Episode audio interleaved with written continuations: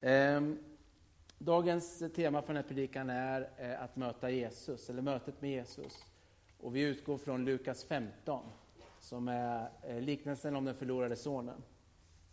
Och jag ska läsa det avsnittet här för er. Han sa det, Jesus alltså. En man hade två söner. Den yngsta sa till fadern, Far, ge mig den del av förmögenheten som skall bli min. Då skiftade fadern sin egendom mellan dem. Några dagar senare hade den yngste sonen sålt allt han ägde och gav sig iväg till ett främmande land. Och där slösade han bort sin förmögenhet på ett liv i utsvävningar. När han hade gjort av med allt blev det svår hungersnöd i landet och han började lida nöd. Han gick och tog tjänst hos en välbärgad man i det landet och denne skickade ut honom på sina ägor för att vakta svin. Han hade gärna velat äta sig mätt på fröskidorna som svinen åt, men ingen lät honom få något. Då kom han till besinning och tänkte, hur många daglönare hos min far har inte mat i överflöd och här svälter jag ihjäl.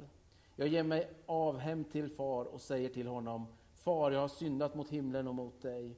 Jag är inte längre värd att kallas din son. Låt mig få gå som en av dina daglönare.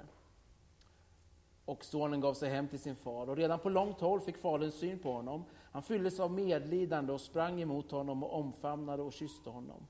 Sonen sa, Far, jag har syndat mot himlen och mot dig. Jag är inte längre värd att kallas din son. Men fadern sa till sin tjänare, skynda er att ta fram min finaste dräkt och klä honom i den. Sätt en ring på hans hand och skor på hans fötter och hämta gödkalven och slakta den, så skall vi äta och hålla fest. Min son var död och lever igen, han var förlorad och är återfunnen. Och festen började. Men den äldste sonen var ute på fälten. När han på vägen hem närmade sig huset så hörde han musik och dans. Han kallade på en av tjänarna och frågade vad som stod på. Tjänaren svarade, din bror har kommit hem och din far har låtit slakta gödkalven därför att han har fått tillbaka honom välbehållen. Då blev han arg och ville inte gå in. Fadern kom ut och försökte tala honom till rätta, men han svarade, här har jag tjänat dig i alla dessa år, aldrig överträtt något av dina bud, och mig har du aldrig ens gett en killing att fästa på med mina vänner. Men när han kommer hem, din son som har levt upp din egendom tillsammans med horor, då slaktar du gödkalven. Fadern sa till honom, mitt barn, du är alltid hos mig och allt mitt är ditt. Men nu måste vi hålla fest och vara glada, för din bror var död och lever igen.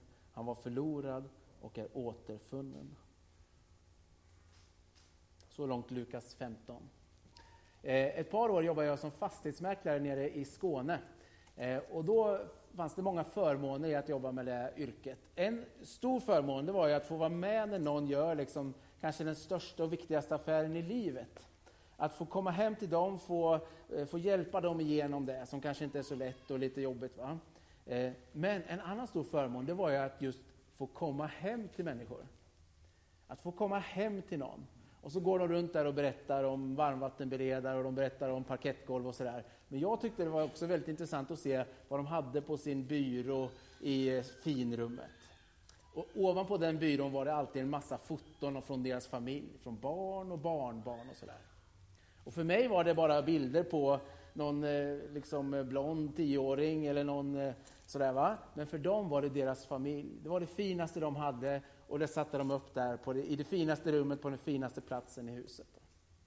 Och det här att få vara hemma hos människor som berättar om, då, då kan det vara så att de också lite i sorg va, berättar, de kanske måste sälja huset. De kanske har blivit eh, gamla och lite skröpliga och inte kan ha så stort hus längre.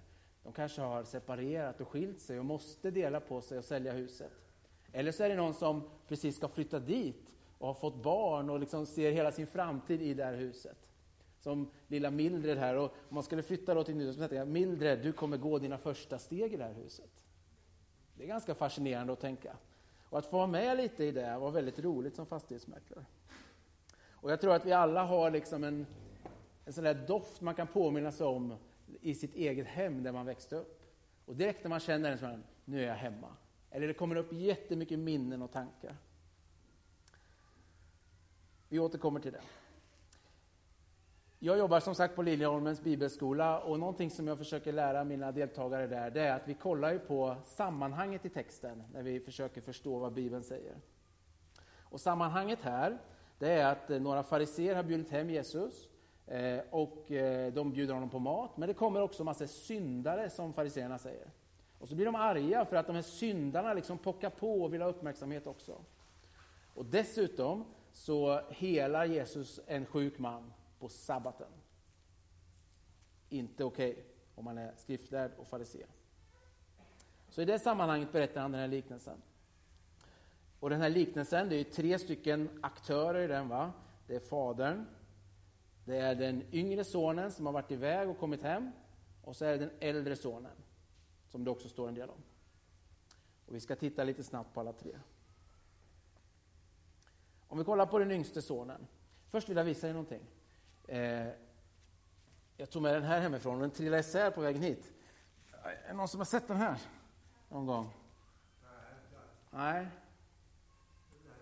Det här är eh, Rembrandts målning av den förlorade sonen. Jag tror vi kan få upp den på skärmen också här. Eh, det syns inte mycket bättre där, men lite bättre kanske. Rembrandts målning av den förlorade sonen. Ja, det är ganska mörkt där, det är ingen fara. Men den är ganska intressant den målningen. Där ser ni det är sonen då, som, den yngre sonen som böjer knä där, det är fadern som håller om honom. Och där till höger ser ni också någon person, och det är den äldre sonen. Som ser på det här och som är lite sur och arg. Va? Vi börjar med att kolla på den yngre sonen. Och för att man ska kunna berätta en liknelse om någons återkomst så måste den personen först åka därifrån. Va? Och det är det som det inleds med. Far, ge mig en del av förmögenheten som ska bli min. Det var inte okej okay att säga så på den här tiden. Men fadern, han, eh, och det har varit bibelforskare som skriver om det här, de skriver att ifall någon skulle säga det i den här kulturen, då skulle eh, fadern troligtvis smälla till sin son och säga stick härifrån. Men inte den här fadern, utan han, han säger okej okay då, du får, din, du får din del av arvet redan nu. Egentligen är det ju som att sonen säger, jag önskar att du var död. Det är det det betyder egentligen. Jag önskar vad du var död, jag vill ha mina pengar nu. Han får landet då, den här delen, delar sitt land, eh, den här fadern. Sonen, vad gör han? Efter några dagar så säljer han det till någon annan. Sticker därifrån, till främmande land. Och egentligen det som fadern säger, när han vänder rygg, eller det som sonen säger när han vänder ryggen till fadern, det är jag längtar efter att du ska dö. Och nu sticker jag härifrån till främmande land, står det. Och det här är mycket mer drastiskt än bara tänka att det är en liten ehm, resa för att titta lite hur det ser ut i andra länder. Det här är ju liksom bryta upp från sitt ankare, från sin trygghet, från faderns försörjning. Eh, att eh, egentligen då spotta sin historia eller sin uppväxt i ansiktet och sticka därifrån för att aldrig återvända. Det är det han säger. Påminner om ett annat uppbrott som sker i Första Mosebok 1. Men rösterna i den här världen som pockar på den yngre sonen, det är som att de säger eh, Gå ut, gå härifrån, visa att du har ett värde, få bekräftelse där ute i främmande land. Kommer du få den där bekräftelsen som du har saknat? Och jag tror inte att de där rösterna är liksom okända för dig, och jag tror inte de är okända för mig, eller jag kan säga att de inte är det. De där rösterna som antyder att du måste göra någonting, du måste prestera någonting. De där rösterna som säger att du inte är värd att älskas. Vad har du presterat idag? Och så säljer den här sonen allt och så springer han ut för att söka bekräftelse. Inte kan väl kärleken vara en fri gåva? I en annan bibelpassage så får Jesus, så säger Fadern till Jesus, du är min älskade son. Du är min älskade son. Och vad, vad händer efter det? Precis efter det så tas Jesus ut i öknen, han går ut i öknen. Och där prövas han. va? Och vad är det han prövas i? Det är så här, visa då att du är så mäktig, visa att du kan göra det här, visa vem du är, visa liksom att du kan göra det här och det här och det här. Men Jesus vägrar att lyssna på de rösterna. Han vet att han är älskad som Guds älskade son ändå. Och den där kärleken som fadern har till sin son, det var kärleken som hindrade fadern från att till varje pris hålla sin son hemma. Det var kärleken själv som fick fadern att låta sonen gå iväg. Att försöka hitta sitt liv fast han riskerar att förlora det. Så högt älskade är jag och sonen att vi har frihet att lämna huset. Vad händer då när den yngste sonen, han är ju där ute och när hans pengar har tagit slut, va? Då så eh, är han inte, får han inte bekräftelse längre där, han blir inte älskad längre, hans relationer försvinner. Det verkar som att det inte kanske var direkt eh, liksom vänner som stod fast i ur och skur. Eh, han måste ta ett jobb för att hålla sig vid liv. Han tar hand om svinen, det är det värsta jobb man kan få eh, i en liksom judisk kontext. Att ta hand om grisarna, det är det värsta jobb man kan få. Och det verkar som att den här daglönaren inte får, eller slavarbetet, han får inte den lön han behöver. För han tittar på grisarnas mat och tänker, om jag ändå kunde få lite av deras mat så jag kunde äta mig mat. Men sonen är utblottad och det är som att han liksom eh, eh, kommer på där att ja, men det är bättre att jag vänder hem till min far. Han ser någonting. Ja, men om jag vänder hem till min far, då kommer jag åtminstone få mat att äta. Man ser, jag vet inte om ni ser riktigt på tavlan här, ni kanske ser bättre på den här tavlan. Här är ju han ju eh, den yngste sonen här. Han har ju ena foten är barfota, andra foten är trasig sandal. Han bär några slags paltor. Hans bror och hans pappa är mycket bättre klädda. Va? Han har rakat huvud, har den yngste sonen. Man kan ana att Rembrandt lyfter fram att det där livet som han levde i det där främmande landet inte, inte var så bra. Men bortsett från hans yttre, vad hände i den här sonens inre? Egentligen är det ganska väntat händelseförlopp. Ju längre bort jag flyr från rösten som kallar mig sin älskade, desto sämre hör jag den. Desto mer utsatt blir jag för världens maktspel och bekräftelsebehov. Och när pengarna var slut så blev jag tvungen att eh, ta det här jobbet. Jag, får, jag vill ha maten som grisarna äter. Alltså de runt omkring dig ser inte dig ens som en människa längre. Du är lägre än grisarna. Det är något slags totalt främlingskap. Och vad tänker sonen på vägen hem? Det är lite roligt. Det står ju först vad han tänker. Om jag bara går hem så ska jag säga till min pappa, jag vet jag är inte värd att bli kallad din son, men jag kanske kan få jobb på din gård i alla fall. Det är det han förväntar sig. Och det här är ju ett slags, det är någon slags ånger, va? han ångrar att han åkte iväg. Men frågan är vad det är för, för någonting han eh, det är inte, han tänker att om jag bara kan jobba hårt och slita, då kanske jag förtjänar min faders kärlek igen. Jag kommer inte bli hans son, men jag kanske kan få jobba där. Och liksom förtjäna att, att jag gör rätt för mig och sliter. Gud blir ju då, eller fadersbilden blir ju en som jämför och mäter och bedömer din kapacitet och ser om du är värdig att jobba hårt för honom. Och snart ska vi se hur fadern bemöter den yngste sonen. Jag tror att en av de största utmaningarna vi har idag,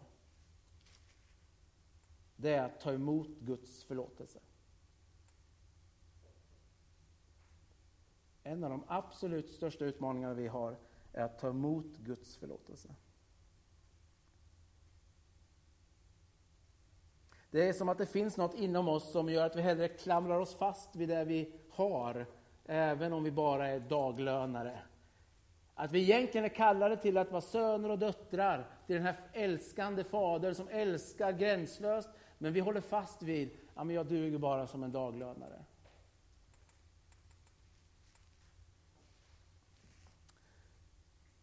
Min yngste son, Bosse, han, eh, eh, jag vet inte om det här händer er, men jag ibland säger till min son att jag inte hinner göra saker exakt när de vill att jag ska göra saker. Det händer någon gång Eh, var femte minut hemma hos oss tror jag ungefär. Och Bosse då, han är väldigt på, han vill ofta göra grejer och leka eller att jag ska fixa något till honom eller sådär. Och då säger jag eh, det magiska ordet snart Bosse, snart ska jag göra det. Snart. Jag säger inte att jag inte vill, jag säger inte att eh, Eh, jag inte ska göra det. Så, eh, snart gör jag det. Och jag säger det om allting, det kan vara vad som helst. Eh, ibland hoppas jag att han glömmer bort det, ibland gör han det. Men ofta så kommer han tillbaks till mig efter ett tag och så säger han så här. Pappa, pappa, och, första gången han sa det här så hörde jag inte riktigt vad han sa, så jag försökte liksom förstå det. Han sa, pappa, pappa, nu är snart. Nu är snart. Och det här har han utvecklat, så nu kan det vara att han bara liksom springer ett varv i huset, fem sekunder senare, nu är snart pappa, nu är snart, nu är snart. Och jag kan ibland se det liksom hos mig själv, att jag eh, kännetecknar mig med den här yngre sonen. Va? Eh, och eh, vi återkommer strax till den här Bosse-idén.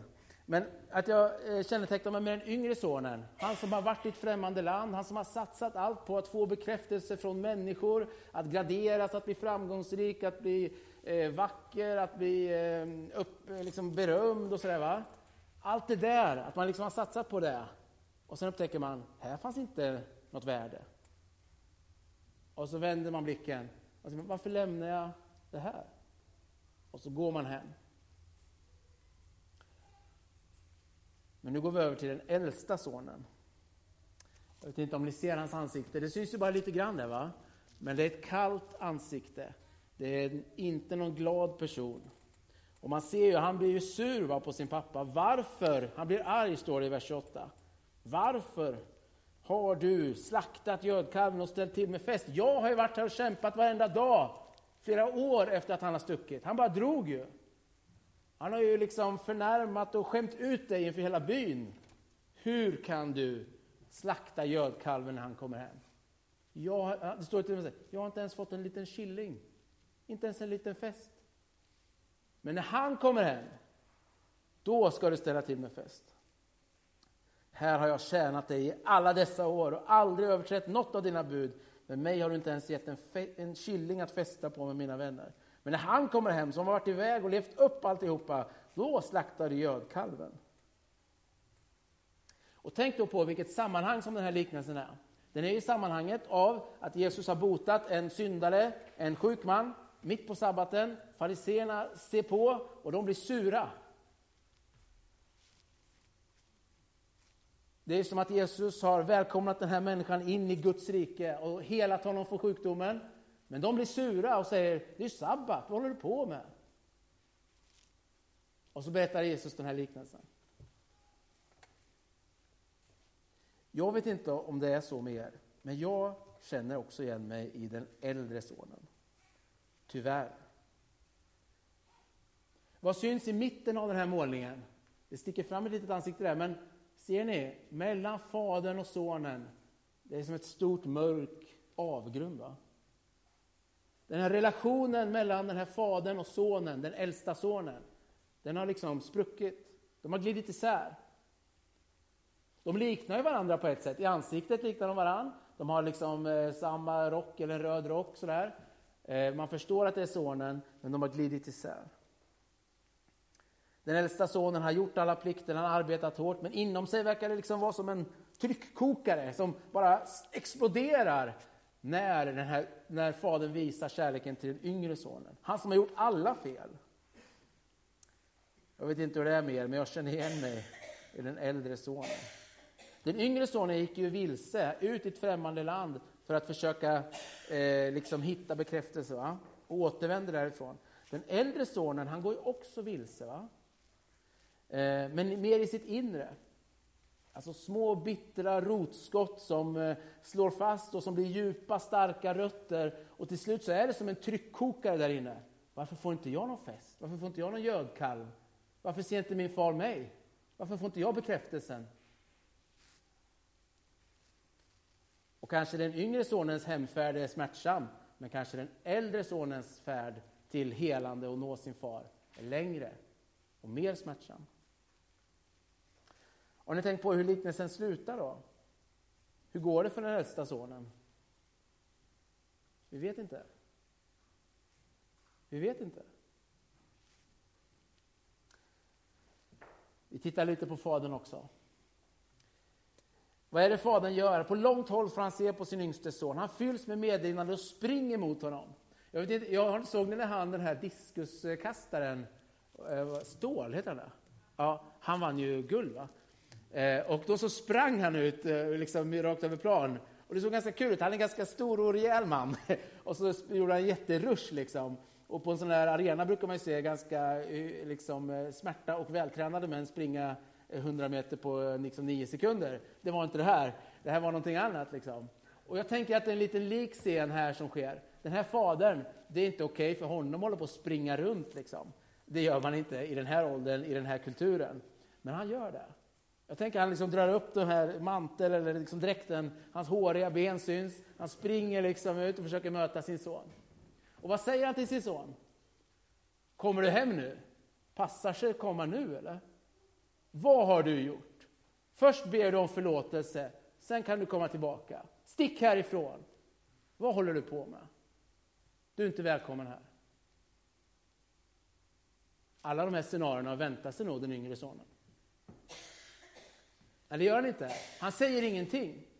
Han kastar sig om honom, omfamnar honom och kysser honom. Och sonen säger, far jag har syndat mot dig, jag är inte längre värd att kallas din son. Men fadern snacka inte med sonen, kom nu tjänarna, klä på honom, han, måste, han är hemma igen. Liksom. På med manteln, på med fina skor, på med ringen, vi ska ha fest nu, slakta gödkalven.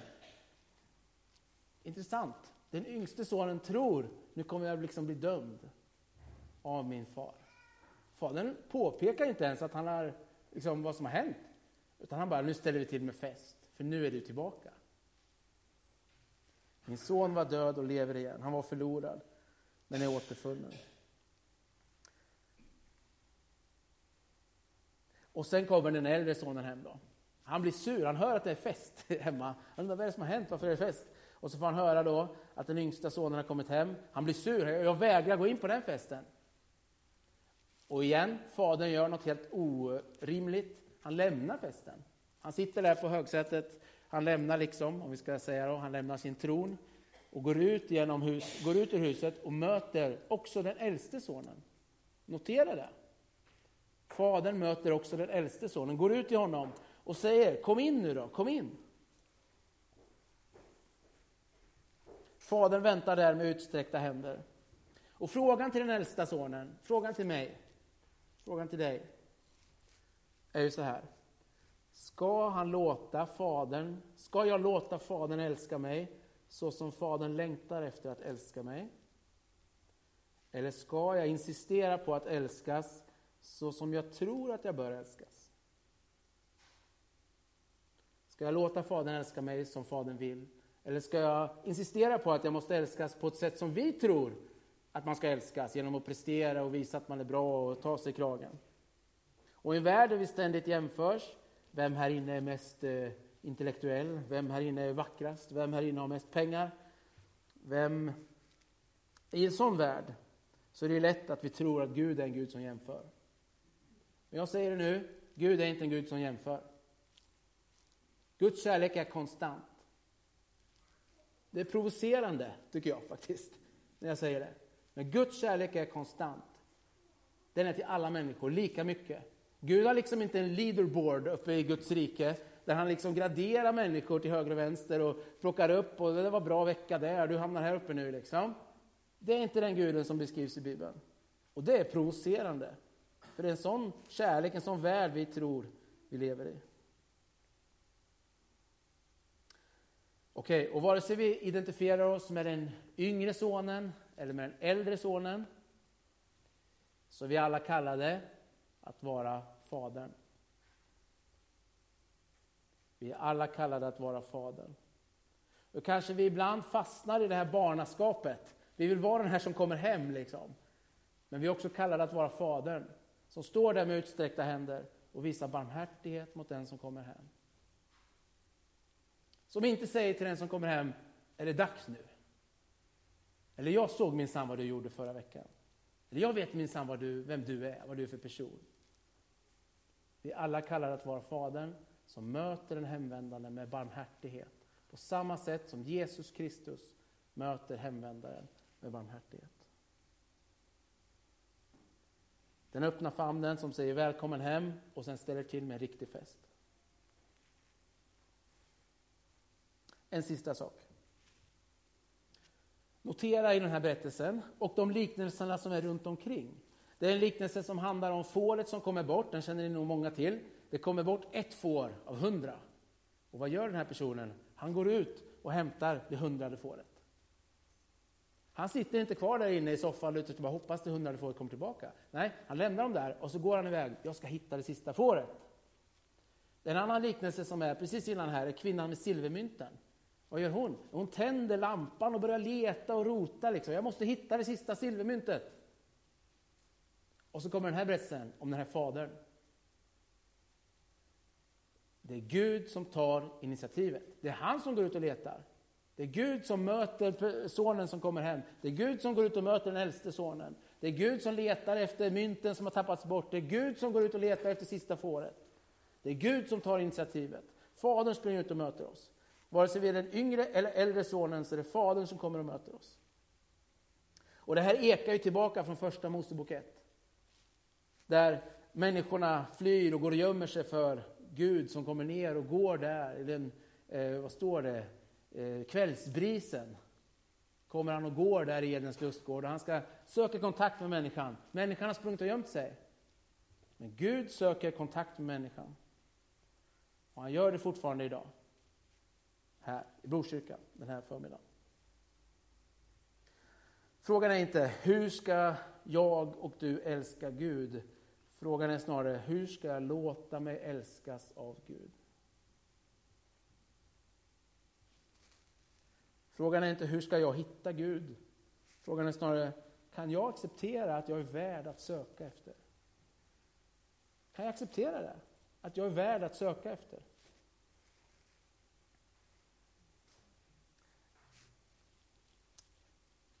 Och jag tror så här att Fadern säger idag till mig och till dig